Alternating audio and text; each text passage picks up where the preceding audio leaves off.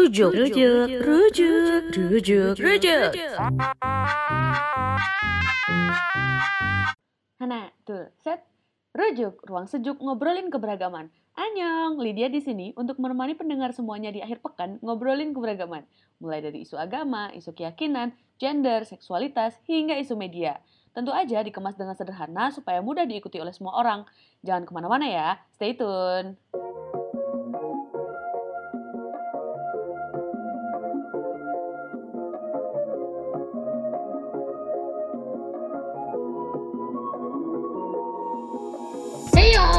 Selamat datang di Rujuk, ruang sejuk ngobrolin keberagaman. Kembali lagi bersama Lydia, kali ini ditemani oleh Naila Rizky dari Jakarta Feminis.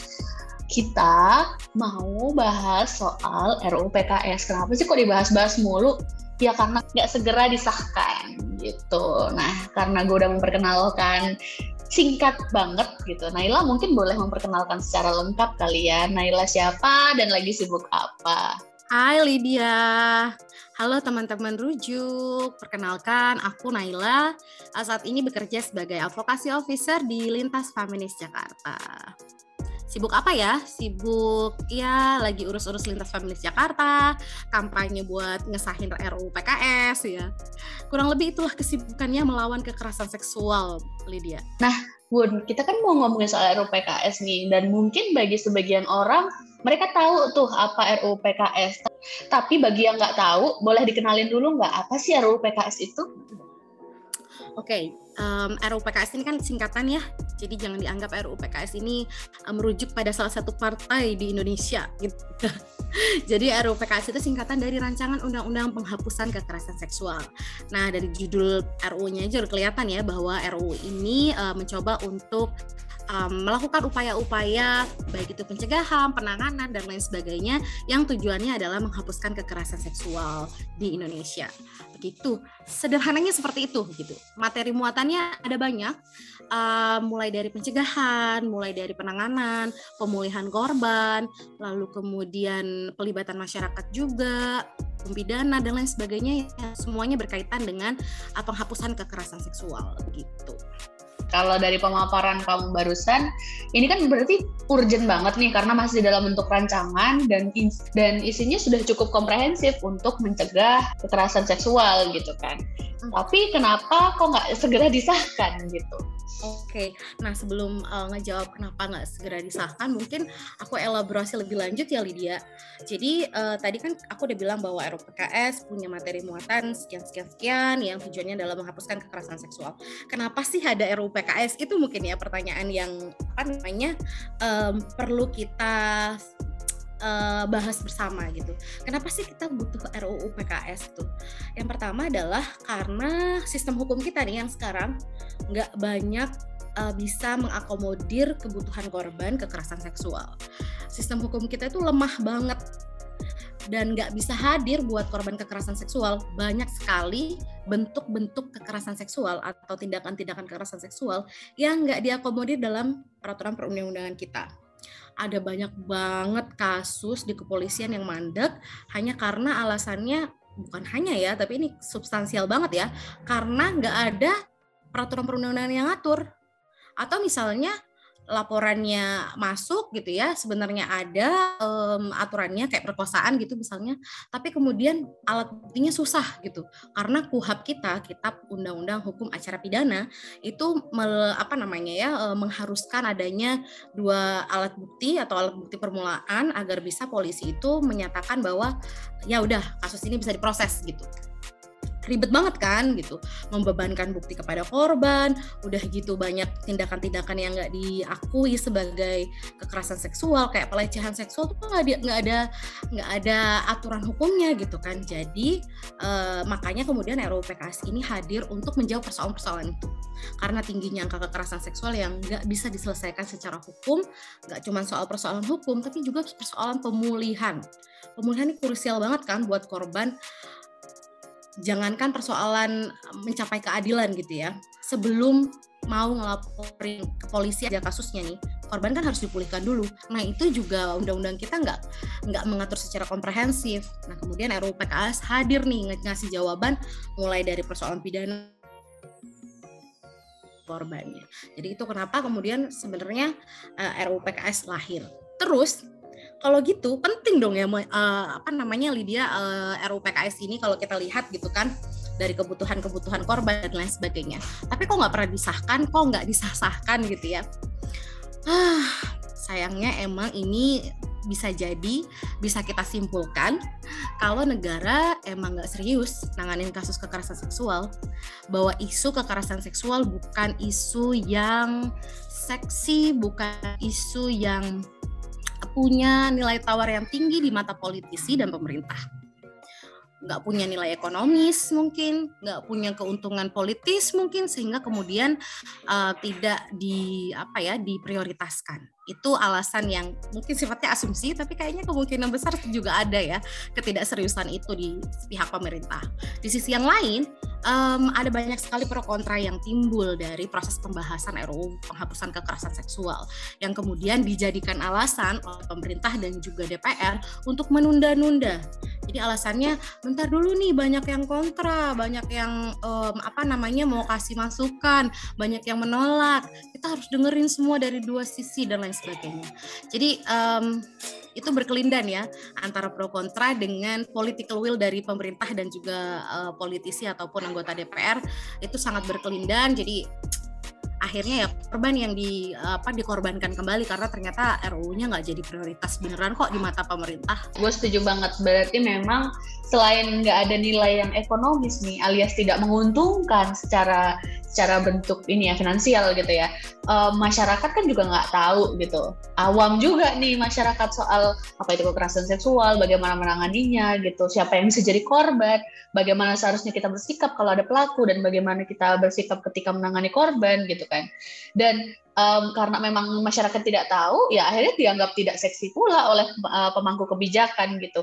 Nah um, kayaknya yang bikin masyarakat apa abai sama kasus kekerasan seksual itu mungkin mereka banyak yang nggak tahu jenis-jenis kekerasan seksual. Dan banyak yang nggak mengakui juga nih kalau ada kasus kekerasan seksual ini gitu. Atau ini adalah jenis kasus kekerasan seksual misalnya catcall hal yang hal yang dianggap remeh gitu kan. Boleh dikasih tahu nggak sih apa aja jenis-jenis kasusnya yang uh, sebenarnya masyarakat tuh harus tahu gitu? Karena kan kita terus-terusan mengedukasi soal uh, ini kekerasan seksual segera sahkan RUU PKS gitu. Tapi apa aja jenis kasusnya Oke, iya benar banget sih. Uh, salah satunya juga mungkin karena pengetahuan dari masyarakat juga masih terbatas.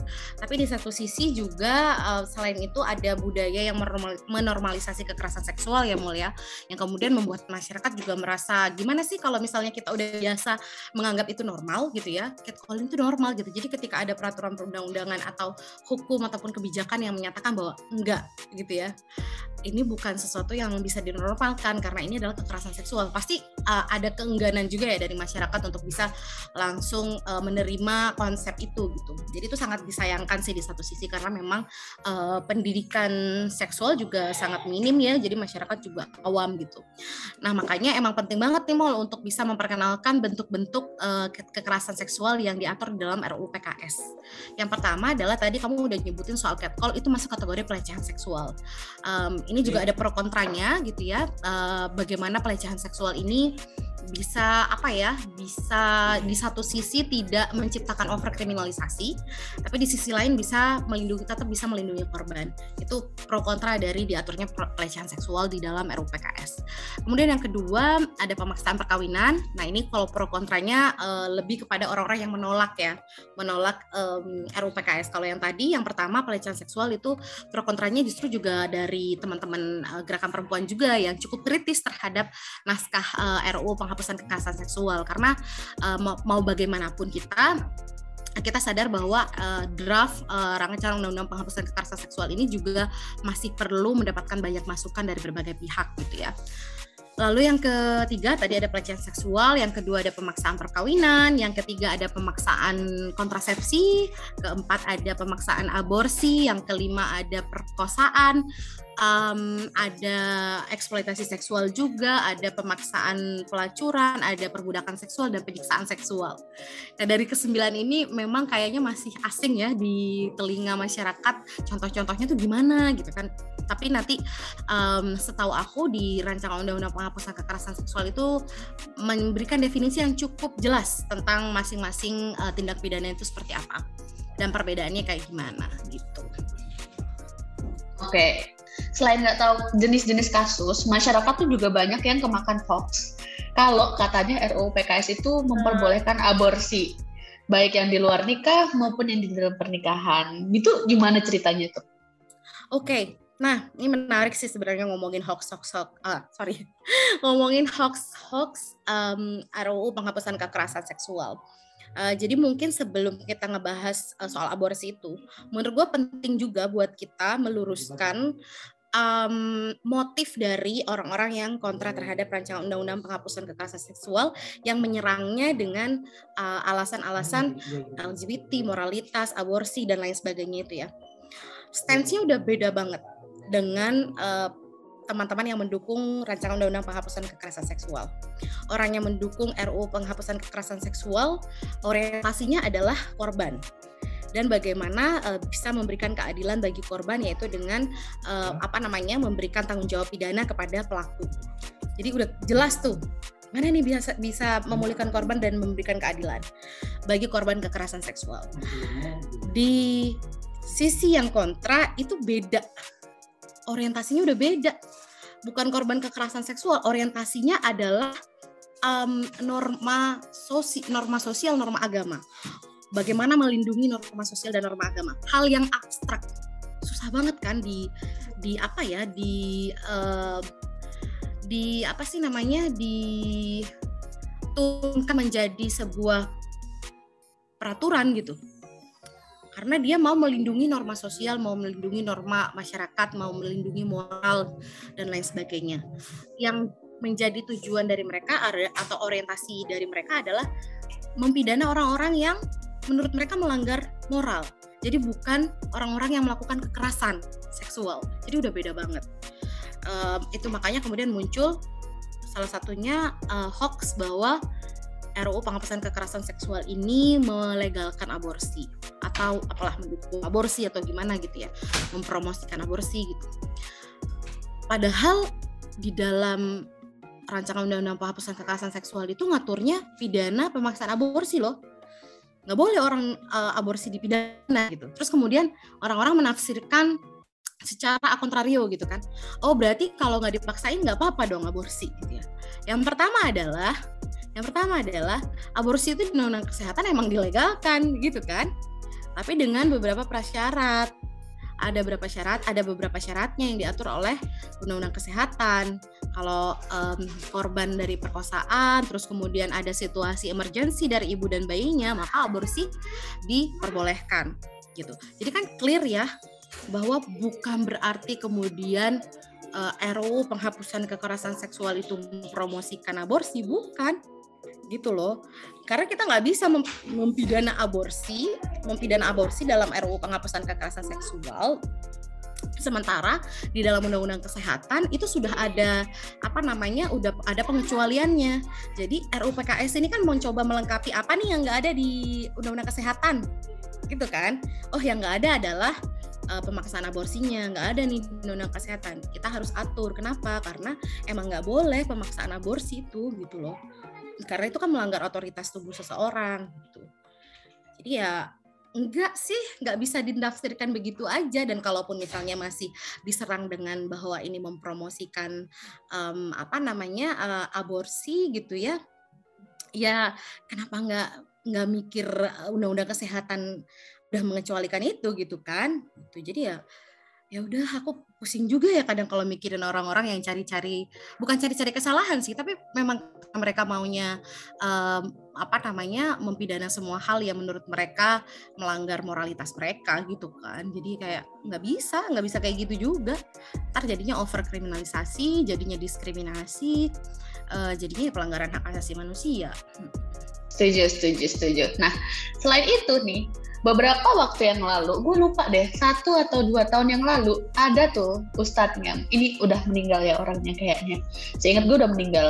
Uh, dia yang bilang um, apa mempidanakan poligami RUU PKS ini. Kemudian juga ikut campur masalah rumah tangga kemudian juga yang paling nyeleneh nih menurut gue, mereka mengada-ada. Mereka bilang kalau kita mengada-ada bahwa marital rape ini ada gitu loh. Dikiranya kita halu eh, bikin-bikin masalah yang namanya marital rape gitu. Nah ini boleh nggak sih di apa ya? Bukan masalah, bukan konfirmasi ya. Mungkin dielaborasikan lebih lanjut gitu supaya nggak ada lagi kesalahpahaman. Ah oke, okay. ini benar-benar gimana ya? Kadang aku tuh ngerasa bahwa um, orang-orang yang biasanya laki-laki kan ya yang apa namanya yang uh, mengklaim bahwa nggak ada perkosaan di dalam perkawinan. Itu sedih banget yang jadi pasangannya gitu loh. Wow. Gue nggak ngebayangin um, apa namanya kalau misalnya ada ada uh, seorang entah itu istri ataupun suami gitu ya yang yang mereka mereka dipaksa berhubungan seksual dengan pasangannya terus kemudian datang enggak itu enggak ada. Kamu kan udah menikah jadi kamu udah berjanji seumur hidup untuk bisa saling melayani gitu kan. Padahal ada kekerasan di situ gitu. Ada orang yang nggak merasa nyaman ada orang yang nggak konsen ada kerugian yang ditimbulkan bisa jadi itu kerugian eh, fisik gitu ya eh, kekerasan fisik dan lain sebagainya luka-luka atau apa pun lah itu ya uh, yang uh, menunjukkan adanya kekerasan seksual di dalamnya. Terus itu nggak mau diakuin sebagai kekerasan gitu.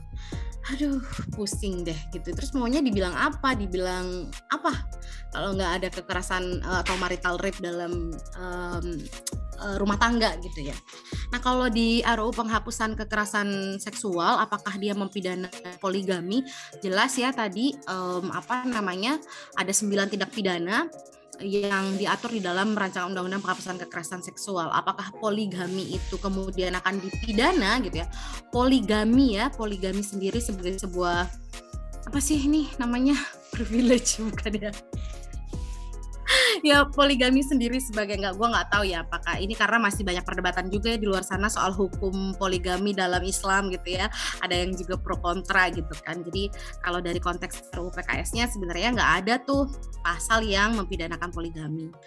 Uh, poligami akan bisa masuk kategori kekerasan seksual kalau di dalamnya ada pemaksaan perkawinan gitu. Uh, poligami itu juga masuk KDRT kalau tidak mendapatkan izin dari istri yang pertama. Jadi uh, ada ada situasi lain yang bisa membuat poligami itu menjadi kekerasan baik kekerasan dalam rumah tangga ataupun kekerasan seksual. Tapi kalau poligaminya berdiri sendiri secara hukum dan meskipun RUU PKS belum menjadi hukum gitu ya, tapi secara hukum dalam perspektif RUU PKS ini tidak ada aturan bahwa dia bisa mempidana poligami gitu. Dan ah, aku rasa juga ikut campur rumah tangga dan mengada-ngada soal uh, marital rape tuh mengada-ngada gimana datanya ada gitu. Faktanya ada gitu. Gimana caranya mengada-ngada? Yang mengada-ngada itu orang-orang yang yang bilang mengada-ngada. Gitu.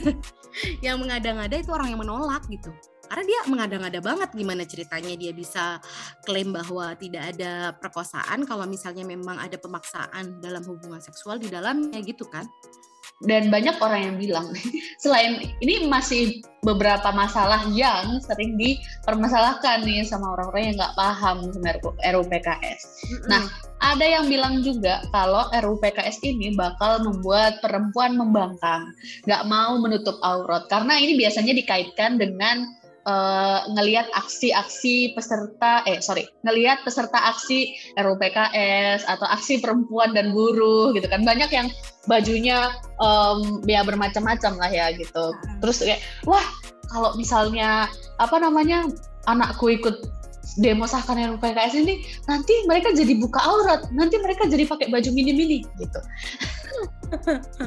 sedih banget. Ya ampun itu beneran kesimpulan yang sangat mengada-ngada. Karena gini ya gue jawab yang gimana ya Lydia ya? Belum ke substansinya deh. Gue jawabnya gini deh. Orang-orang yang mendukung RUPKS bahkan yang ngedraft yang bikin draftnya tim penyusunnya itu banyak yang pakai jilbab. Bunyai bunyai gitu loh. Yang ngeduk mendukung nih uh, banyak banget nyai-nyai yang mendukung. KUPI uh, apa namanya Kongres Ulama Perempuan Indonesia itu mendukung RUU PKS mereka tuh siapa? Ulama-ulama perempuan Indonesia itu siapa? Gitu kan. Mereka tuh orang yang alim gitu ya dalam perspektif agama Islam gitu ya. Orang yang alim orang-orang yang uh, solehah gitu ya ibaratnya gitu kan. Dan mereka mendukung RUU PKS karena memang sejalan sejalan dengan nilai-nilai Islam gitu loh. Nilai-nilai yang um, apa namanya melindungi korban kekerasan seksual gitu kan. Memberikan keadilan bagi korban kekerasan seksual itu sejalan juga dengan nilai-nilai Islam. Itu Kupi loh yang bilang Kongres Ulama Perempuan Indonesia gimana ceritanya orang yang nafasnya gitu ya nafasnya aja Al-Quran bisa ya gitu ya. Orang yang nafasnya aja sangat um, islami lah ibaratnya gitu ya kegiatan sehari-harinya adalah dakwah dan lain sebagainya mendukung RUU PKS terus kemudian di satu sisi mempromosikan uh, tidak mau menutup uh, aurat gitu atau membuka aurat. Itu kan dua apa ya kesimpulan yang sangat aneh banget gitu kan. Itu yang pertama. Yang kedua mana sih ada rumusan uh, dalam RUU PKS yang bilang bahwa ini akan apa namanya memberikan kebebasan kepada perempuan untuk menutup aurat tidak menutup aurat atau membangkang dan lain sebagainya. Nggak ada urusan sama RUU PKS nggak ada urusan orang mau tutup aurat mau membangkang mau jadi perempuan uh, tanah jahanam sekalipun gitu ya. Nggak ada urusannya sama rancangan undang-undang penghapusan kekerasan seksual RUU PKS itu ngatur korban kekerasan seksual. Korban kekerasan seksual pun nggak semuanya juga perempuan. Paling banyak adalah perempuan. Tapi kan juga nggak semuanya perempuan. Ada juga laki-laki yang menjadi korban kekerasan seksual. Ada juga teman-teman non binary yang menjadi korban kekerasan seksual. Jadi gimana sih logikanya kita bisa um, apa namanya menghubungkan antara menutup aurat dengan uh, penghapusan kekerasan seksual? Kan terlalu mengada-ngadanya terlalu jauh banget gitu.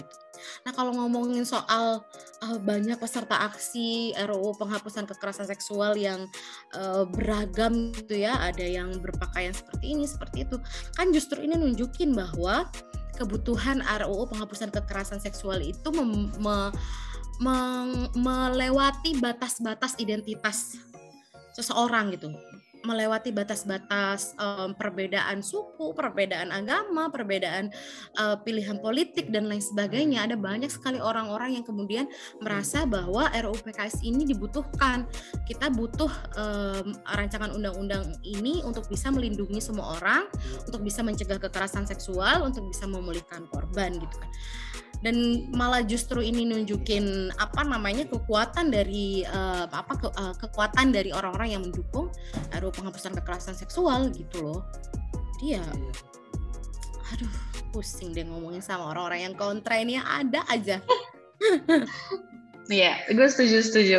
Dan um, sebenarnya banyak yang setuju dengan RUU PKS, cuman mereka nggak paham um, substansinya bagaimana, apa yang sedang diperjuangkan gitu. Yang penting ya setuju-setuju aja lah kalau menguntungkan misalnya orang gitu, menguntungkan satu kelompok atau menguntungkan beberapa kelompok gitu. Karena kan ada yang kadang tuh um, setujunya sebagian aja gitu. Jadi kayak aku setuju tapi gitu kayak misalnya um, ada yang bilang ya aku setuju kalau misalnya RUU PKS ini um, membantu korban kekerasan seksual. Tapi aku nggak setuju kalau RUU PKS itu melegalkan prostitusi mengizinkan seks bebas terus karena membagikan kondom gratis gitu misalnya. Kayaknya ada yang pernah bilang gitu dan gue denger. Karena gue ketemu banyak orang yang nggak yang nggak ngerti gitu kan. Um, kira-kira gimana nih soal kondom gratis ini Oke, okay, ya benar sih. Banyak yang uh, apa ya secara parsial mendukung RUU penghapusan kekerasan seksual, tapi di kepalanya tuh masih ada ini ya bias-bias gitu ya, Mol ya. Jadinya uh, mereka kemudian nggak bisa nih uh, 100% mencintai RUU penghapusan kekerasan seksual masih menolak uh, ini itu ini itu padahal yang ditolak juga nggak ada di RUU PKS gitu loh dia menolak um, seks bebas gitu. Nggak ada juga di RUU PKS ngomongin seks bebas ataupun uh, pelegalan prostitusi. Nggak ada gitu RUU PKS itu misalnya melarang pemaksaan uh, prostitusi. Kenapa nggak dilarang um, misalnya prostitusinya yang nggak dilarang gitu? Eh yang nggak dilarang. Yang kenapa yang um, nggak melarang uh, prostitusi gitu misalnya Yang pertama juga sebenarnya di dalam Kitab Undang-Undang Hukum Pidana juga ngatur kan soal apa namanya uh, larangan uh, apa namanya uh, mucikari itu loh pidana mucikari gitu kan. Terus kemudian juga ada undang-undang TPPO yang ngomongin soal uh, apa namanya prostitusi dan juga ah, sorry yang ngomongin perdagangan orang di dalam entah itu dalam prostitusi ataupun apa pun gitu ya. Nah um, kenapa terus terus juga banyak tuh yang kemudian eh kalau kayak gitu berarti udah ada dong diatur di sana-sana iya udah ada diatur makanya nggak diatur di RUPKS makanya yang diatur oleh RUPKS adalah yang belum diatur oleh peraturan perundang-undangan lainnya, lalu kemudian diatur pemaksaan uh, prostitusi itu tadi. Uh, kita tadi ngebahas soal RUU PKS melegalkan prostitusi dong gitu ya. Ya nggak nggak kemudian semua yang nggak diatur di dalam RUU PKS berarti legal kan? Karena ada juga peraturan perundang-undangan lainnya yang juga sudah mengatur terlebih dahulu. Nah RUU PKS ini kan memang hadir untuk uh, menjawab apa yang tidak ada di dalam sistem peraturan perundang-undangan kita gitu kan. Terus dia mengizinkan seks bebas. Aduh ini jawaban bercandanya dulu deh ya. Kan tapi seks juga harus bebas ya kalau nggak bebas jadi kekerasan seksual dong gitu. Tapi itu jawaban bercanda ya. Tapi apakah um, RUU penghapusan kekerasan seksual mempromosikan hubungan seks di luar perkawinan gitu ya? Yang dimaksud seks bebas gitu kan ya? Hubungan seks di luar perkawinan gitu kan. Nah, um, ini juga nggak dibahas sama RUU penghapusan kekerasan seksual um, karena memang ini ranahnya bukan ranah hukum ya hubungan seks konsensual di luar perkawinan itu kan bukan ranah hukum karena bukan ranah hukum pidana terutama karena apa? Karena hukum pidana itu kan punya uh, kategorisasi yang sangat rigid ya atau penentuan sebuah tindakan yang sangat sangat ketat gitulah. Kenapa? Karena memang uh, hukum pidana kan bisa menimbulkan pelanggaran HAM gitu ya, pelanggaran HAM, pelanggaran kebebasan dan lain sebagainya. Makanya nggak bisa nih sembarang-sembarang yang gue nggak suka harus dipidana gitu lo lirik-lirik gue gue nggak nyaman lo harus dipidana gitu kan gitu. Padahal ya lirik-lirik bisa juga pelecehan seksual sih ya. Tapi nggak bisa sederhana itu gitu loh. Harus ada kerugian yang ditimbulkan harus ada banyak sekali apa namanya prasyarat yang bisa mengategorikan sesuatu sebagai sebuah tindak pidana. Nah seks bebas itu nggak bisa masuk dalam kategori pidana atau uh, dalam kategori um, ya tindak pidana gitu. Kenapa?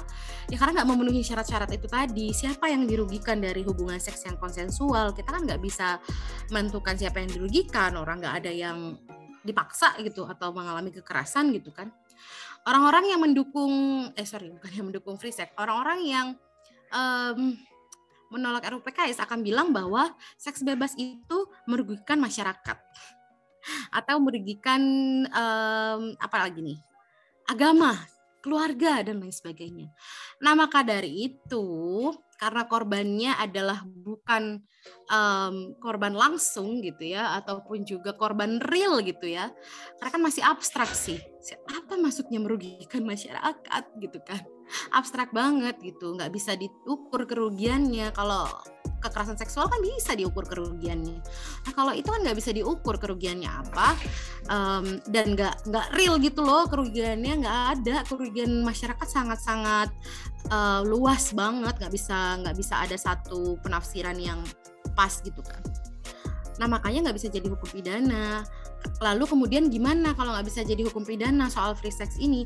Ya karena itu merugikan masyarakat menurut mereka, merugikan agama. Maka yang bekerja adalah norma sosial dan norma agama. Gimana caranya agama? Gimana caranya pendidikan? Gimana caranya uh, sekolah? Gimana caranya keluarga bisa mencegah anak-anak terutama misalnya untuk um, apa namanya aktif secara seksual sebelum waktunya gitu misalnya. Atau misalnya bagaimana mencegah anak-anak uh, melakukan hubungan seksual yang beresiko gitu kan pendidikan seksual lah yang dikasih. Kalau misalnya mau berpegang teguh pada agama, ya maka nilai-nilai agamanya yang dijalankan, gitu ya. Kayak misalnya nggak boleh uh, zina di luar perkawinan, ya sebisa mungkin membuat anak-anak menjadi sibuk, menjadi berprestasi, jadi atlet olimpik gitu ya, gitu kan. Jadi nggak kebaya, nggak apa, nggak terpikirkan buat berzina gitu, misalnya sebelum menikah atau apa pun lah itu gitu. Ya itulah yang harus diarahkan gitu, bagaimana um, apa namanya fungsi-fungsi di luar hukum itu bisa bekerja gitu, instrumen-instrumen di luar hukum itu bisa bekerja untuk uh, ya itu tadi apa pun yang di dikhawatirkan oleh orang-orang yang kontra terhadap RUU PKS gitu karena ini nggak bisa dipaksakan sebagai pidana. Gitu. ya. Oke. Mau itu dulu sama Sagara dulu? Lu denger ya suaranya ya? Iya. Anak lucu oke. okay.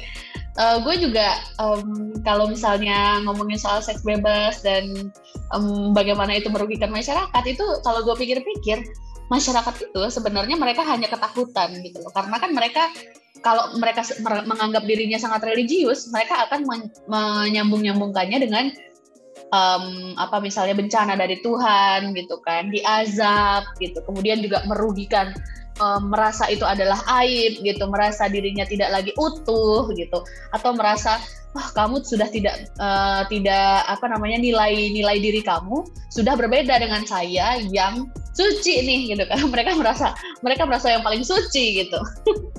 Dan um, selain ngomongin soal seks bebas yang ditakutkan sama orang-orang adalah RUU PKS katanya akan melegalkan LGBT emangnya ada tuh pasal-pasal yang ngomong soal ya kita akan melegalkan LGBT gitu. Atau gimana nih sebenarnya? Ya, oke. Okay. Yang pertama juga sebenarnya um, LGBT itu apa sih gitu kan? Um, apa yang bisa dipidana dari pikiran seseorang, ya kan? Apa yang bisa dipidana dari cara seseorang mengekspresikan dirinya? Apanya yang mau dipidana, apanya yang mau dilegalkan atau mau diatur oleh hukum? dari cara pikir ataupun cara berpakaian, cara pilihan dia mencintai seseorang gitu kan. Jadi aku tuh bener-bener kayak kasihan juga, tapi di satu sisi ini cara pikir yang berbahaya, menganggap bahwa LGBT adalah sesuatu yang mengancam gitu. Sehingga perlu untuk diatur secara hukum apa pun itu, mau dipidana kek, mau di rehabilitasi sosial atau apa pun ya gitu. Karena sebenarnya mereka nggak paham apa itu LGBT gitu kan anggapannya mereka tuh LGBT udah pasti melakukan hubungan seksual sama jenis gitu kan. Padahal kan itu beda ya. Perbuatan dengan orientasi seksual atau identitas gender itu kan berbeda. Dengan ekspresi gender pun berbeda gitu. Jadi masyarakat kita pun juga um, terlalu menyederhanakan uh, persoalan isu LGBT ini gitu ya. Kenapa terus kemudian mau dipidana hanya dengan alasan bahwa di agama melarang kok gitu. Di agama tuh yang melarang kan apa ya itu juga banyak juga perdebatannya gitu ya. Misalnya pun hubungan seks sesama jenis dilarang hubungan seks uh, konsensual sesama jenis dilarang kayak di Aceh gitu kan. Ya itu juga pelanggaran hak asasi manusia gitu. Kok kalian diskriminasi banget sama orang-orang yang berhubungan seks sesama jenis gitu kan ini lagi mau romantis romantisan mul. Ya ampun gue gak konten maaf ya. Nggak apa-apa nggak apa-apa nggak apa-apa. Mau jawab juga? Iya Sagara tuh mau bilang kalau kita tuh harus sayang sama semua orang. Gitu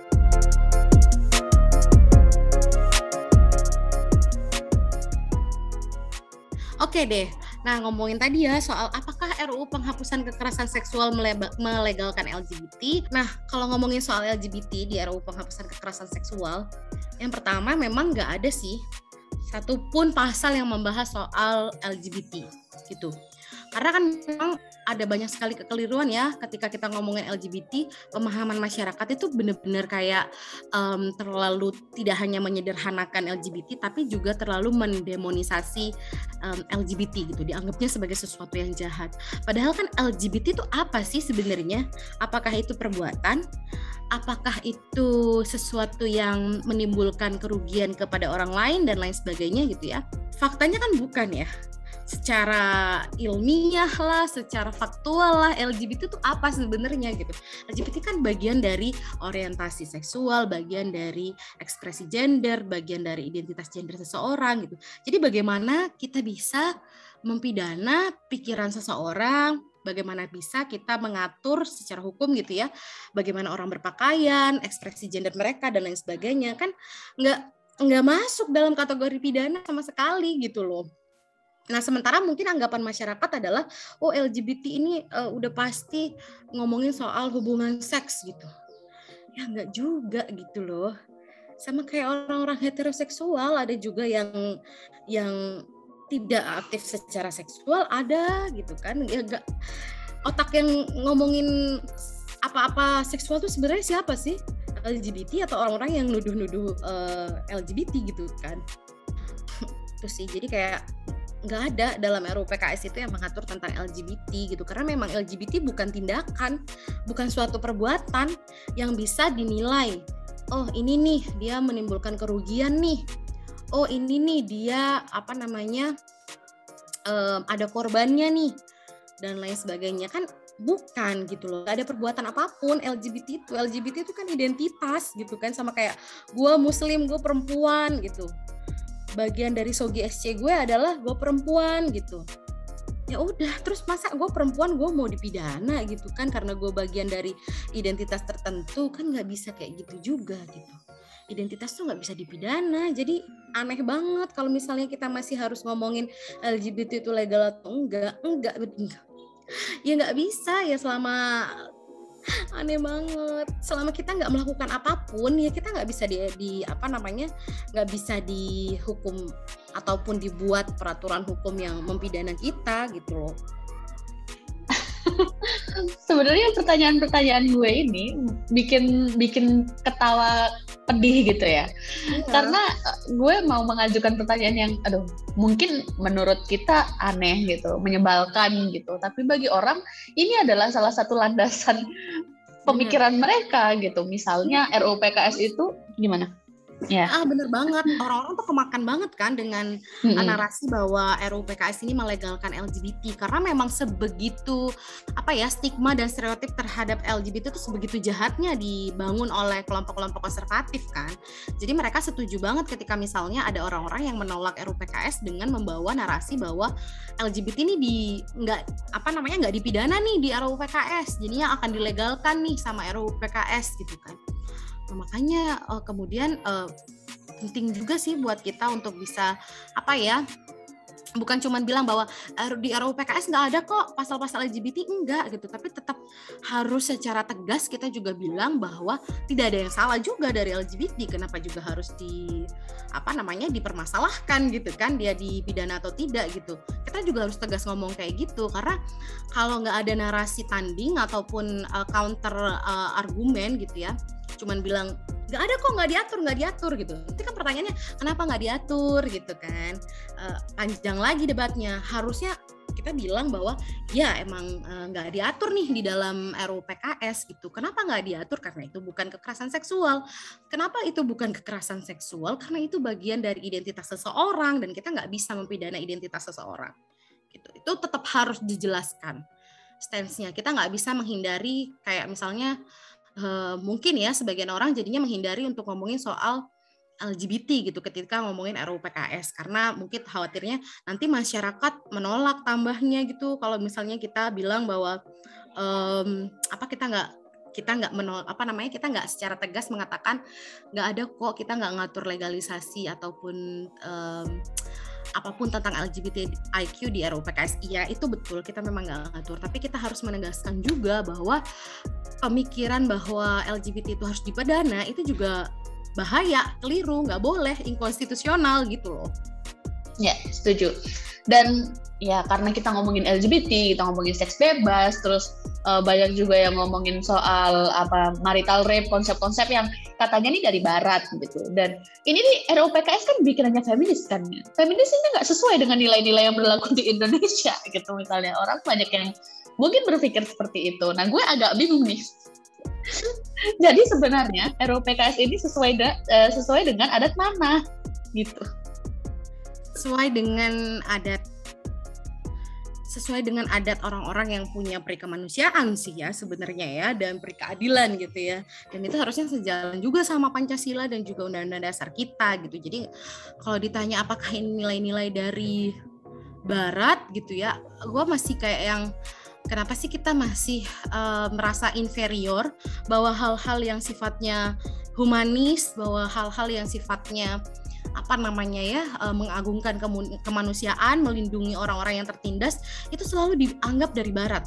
Seakan-akan tuh adat ketimuran tuh sangat terbelakang sekali gitu ya. Kayak jauh dari hal-hal yang sifatnya kemanusiaan gitu. Cuman perkara soal moralitas dan lain sebagainya jangan-jangan masih ada nih orang di kita nih di, di timur kita menganggap bahwa ini konteks konsep barat dan lain sebagainya dan lain sebagainya. Sementara orang barat mungkin akan menganggap kita bahwa i orang-orang timur itu ya masih tidak beradab gitu kan. Kayak di situ tuh masih zaman jahiliyah banget orang-orang timur itu gitu. Nggak kenal sama yang namanya hak asasi manusia. Jangan-jangan orang-orang itu orang-orang yang bersebarangan spektrum nih ya gitu ya. Orang yang sangat barat orang-orang yang sangat timur gitu misalnya. Itu sama-sama punya pikiran atau stereotip yang bias terhadap satu sama lain gitu. Kenapa sih kita harus merasa kayak gue ngerasa itu justru malah uh, selain soal apa namanya soal primordialisme ataupun ego sektoral dari masing-masing kelompok masyarakat gitu ya yang menganggap bahwa ini uh, bukan nilai-nilai kita, nilai-nilai kita itu um, sesuai agama dan lain sebagainya gitu ya. Di uh, sisi lain yaitu kita merasa hal-hal yang sifatnya mem memperlakukan manusia secara manusiawi itu adalah sesuatu dari barat gitu. Padahal di adat ketimuran kita juga punya nilai-nilai itu, kita punya nilai-nilai kemanusiaan gitu loh. Itu bukan sesuatu yang bisa didikotomikan gitu ya. Dimasukkan ke dalam kotak, oh yang ini barat, yang ini timur. Kalau kamu apa namanya um, um, mendukung kebebasan um, siapa misalnya mendukung kebebasan orang-orang Papua gitu misalnya kamu adalah kategori orang ini. Kalau kamu misalnya mendukung hak-hak orang ini, kamu kategorinya ini gitu kan. Dalam hak asasi manusia ya semuanya sifatnya universal harusnya gitu kan. Jadi aduh sedih banget orang yang masih beranggapan bahwa um, RUPKS ini um, bertentangan dengan nilai-nilai um, apa namanya nilai-nilai yang berlaku di Indonesia. Berarti nilai-nilai yang berlaku di Indonesia sebaliknya dong ya nilai-nilai yang mempromosikan kekerasan seksual gitu, nilai-nilai yang nggak melindungi korban, nilai-nilai yang masih menghakimi korban. Ya faktanya banyak sih ya masyarakat kita yang seperti itu. Dan apakah kita mau mempertahankan nilai-nilai itu? Mau mempertahankan budaya victim blaming, mau mempertahankan budaya normalisasi perkosaan dan lain sebagainya? Kan enggak gitu. Dan memang uh, kita kalau ngomongin soal budaya ataupun nilai-nilai yang ada di Indonesia gitu ya paling sering tuh kan ngerujuknya ke agama Islam gitu ya ya kan padahal kalau kita tahu di zaman Rasulullah itu hadir gitu ya di Nabi Muhammad SAW itu diturunkan dia malah apa namanya um, usaha-usahanya dalam menyebarkan agama Islam itu salah satu tujuannya juga adalah mereduksi kekerasan-kekerasan gitu kan mengeliminasi meng, menghapuskan perbudakan gitu kan, menghapuskan kekerasan terhadap perempuan gitu kan. Dan lain sebagainya. Jadi kalau dibilang bukan nilai-nilai yang ada di Indonesia, terus nilai-nilai yang ada di Indonesia itu nilai-nilai kayak apa? Nilai-nilai yang um, ngebacokin ataupun membakar hidup orang karena identitasnya berbeda. Wow, serem bun nggak mau bun ada ini apa jadi orang timur jadinya bun sorry bukan orang timur ya adat ketimuran gitu ya nggak mau bun kalau nilai-nilainya adalah kekerasan gitu ya jadi mendingan kita dianggap nilai barat aja deh kalau begitu. Kalau misalnya um, perbedaan nilai barat dan timur adalah soal manusiawi dan tidak manusiawi. Tapi kan nggak sederhana itu juga. Kita juga nggak bisa bilang uh, nilai di barat itu semuanya humanis gitu. Ya kita tahu uh, apa namanya dalam perkembangan apa namanya uh, politik gitu ya, perkembangan situasi hak asasi manusia di barat juga banyak dinamika gitu.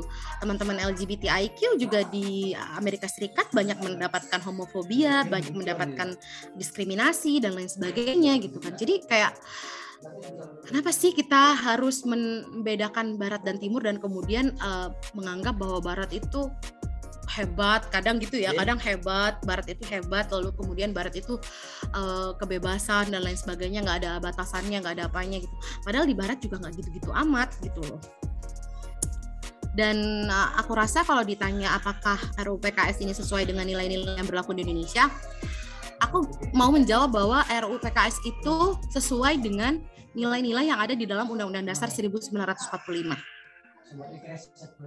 RUU PKS itu sesuai dengan nilai-nilai yang ada di dalam Pancasila. Gitu. Jadi um, aku nggak tahu sih anggapan nilai-nilai yang berlaku di Indonesia di masyarakat kita itu seperti apa. Karena kalau misalnya pakai nilai agama, agamanya juga banyak kan di Indonesia gitu kan. Terus gimana caranya menyatukannya? Ya udah, menyatukannya lewat konstitusi dan Pancasila kan. Ya RUU PKS merujuknya pada itu. Gue setuju banget.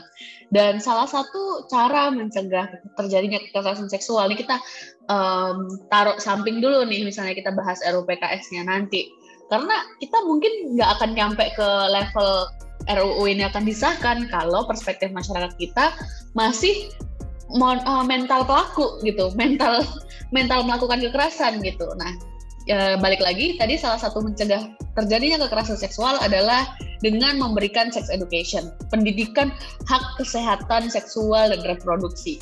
Tapi menurut sebagian orang tua nih akan mengajarkan anak untuk melakukan hubungan seks sejak dini.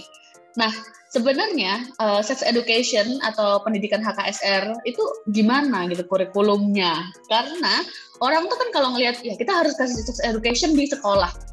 Tapi ketika orang dengar seksnya itu langsung kayak oh, jangan-jangan nanti mereka di, disuruh nonton film dewasa, misalnya film porno, atau nanti jangan-jangan uh, ketika apa namanya anak ini pulang sekolah dia udah tahu tuh mama uh, ciuman itu apa sih? Mama um, berhubungan seks itu apa sih? Kayak gitu. Itu kan sebenarnya seuzon aja gitu loh Iya lucu banget juga sih. Padahal dalam pendidikan kesehatan seksual dan reproduksi, terutama dalam uh, kalau dalam konteks sekarang juga udah lebih advance lagi ya pendidikan hak kesehatan seksual dan hak reproduksi gitu kan. Nah kalau ngomongin itu ya kita juga nggak bisa dong ngasih materi soal uh, penggunaan kondom ke anak-anak TK gitu.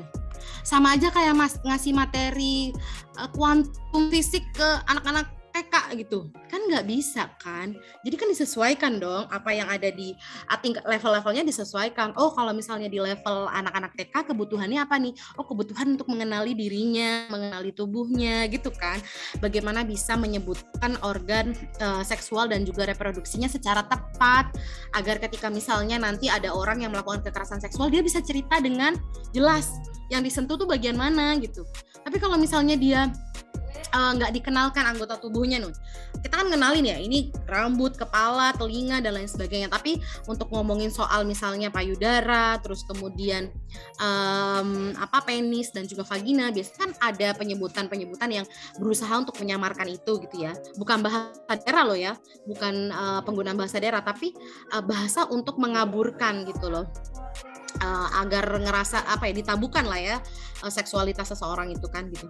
Nah itu kan justru malah akan membuat anak-anak jadi nggak tahu bahwa ini tuh organ apa sih, fungsinya apa sih, aku harus gimana sih kalau ada orang lain yang begini tuh aku harus gimana kan nggak tahu kalau misalnya dia ngalamin kekerasan seksual terus cerita sama orang lain gitu misalnya ya ke gurunya gitu dia bilang terus uh, ada kan yang bisa misalnya bilang uh, vagina itu uh, mini mouse gitu ya. Mini mouseku tadi dipegang-pegang orang gitu. Kan gurunya langsung bilang, oh iya nggak apa-apa kan boneka nggak apa-apa dikasih pinjam gitu kan dan lain sebagainya gitu kan. Nggak apa-apa sama uh, dikasih pinjam aja ke orang itu gitu kan. Karena dia nggak tahu kan apa yang dimaksud dengan minimos dan lain sebagainya itu karena orang tuanya menabuhkan itu. Ya nggak cuma orang tua sih eh, bahkan juga masih ada ya guru-guru yang juga nggak nggak bisa terbuka mengajarkan pendidikan uh, kesehatan seksual dan reproduksi kepada anak-anak. Karena emang nggak tahu nggak pernah dikenalkan. Kita aja zaman-zaman generasi kita juga pasti nggak kenal gitu nggak tahu. Kita juga sering menabukan itu dulu gitu kan. Dulu kita juga terbelakang. Tapi kan sudah tercerahkan gitu kan bahwa ternyata itu berbahaya bagi anak-anak terutama ketika dia nggak mengenal dirinya sendiri. Lalu kemudian nggak kenal haknya itu apa yang nggak boleh dirusak atau nggak boleh dicampuri atau nggak boleh di apa namanya istilahnya ya di um, diintervensi sama orang lain gitu. Bahwa ternyata kalau menyentuh tubuhnya tuh harus izin loh gitu. Nah ini kan juga pendidikan kesehatan seksual dan reproduksi kan soal konsen gitu.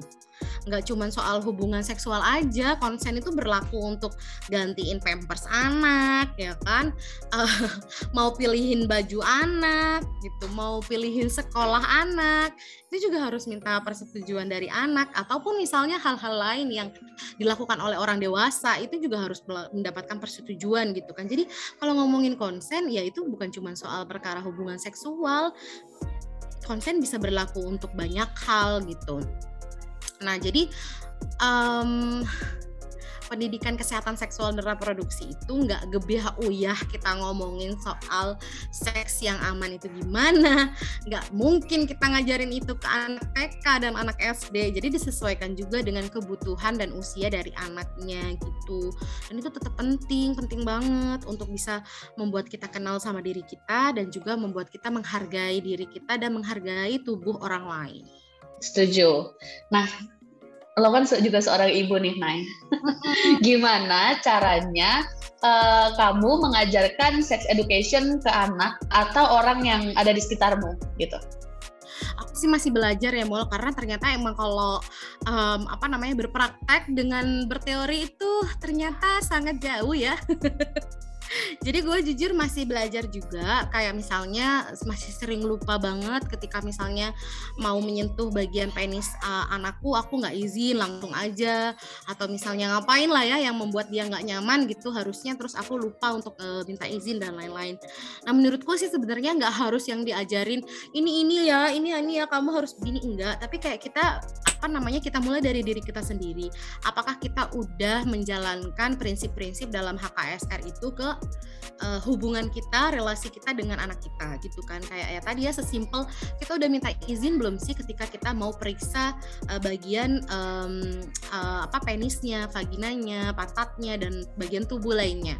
Sudah membiasakan itu enggak? Sudah membiasakan bahwa ini nggak boleh disentuh oleh sembarang orang gitu kalau itu udah dibiasakan itu kan bagian dari pendidikan kesehatan seksual dan reproduksi juga gitu. Tanpa harus kita punya kurikulumnya tanpa harus kita ngenalin textbooknya ke anak-anak gitu kan.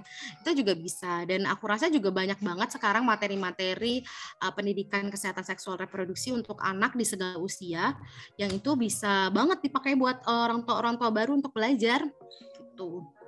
Nah, kalau aku sih sesimpel itu ya.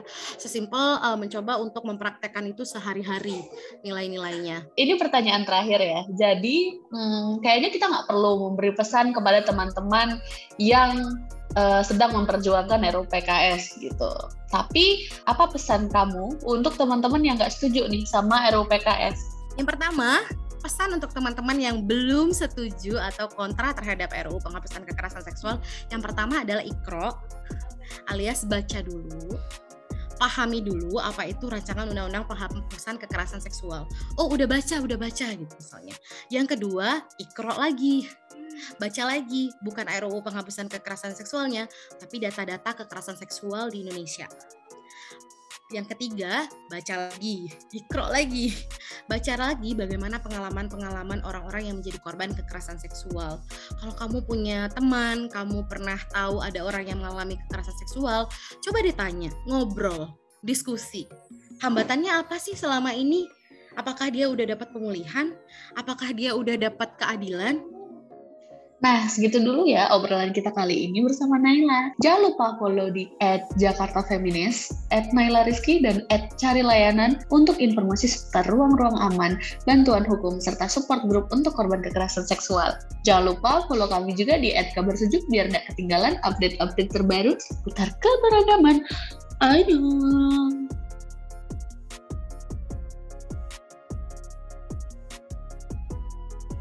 Teman-teman sudah mendengarkan episode Rujuk, Ruang Sejuk Ngobrolin Keberagaman. Semoga bermanfaat. Jangan lupa follow di Spotify, share ke teman-temanmu, dan sampai bertemu di podcast yang lain. Annyeong! Jangan lupa follow.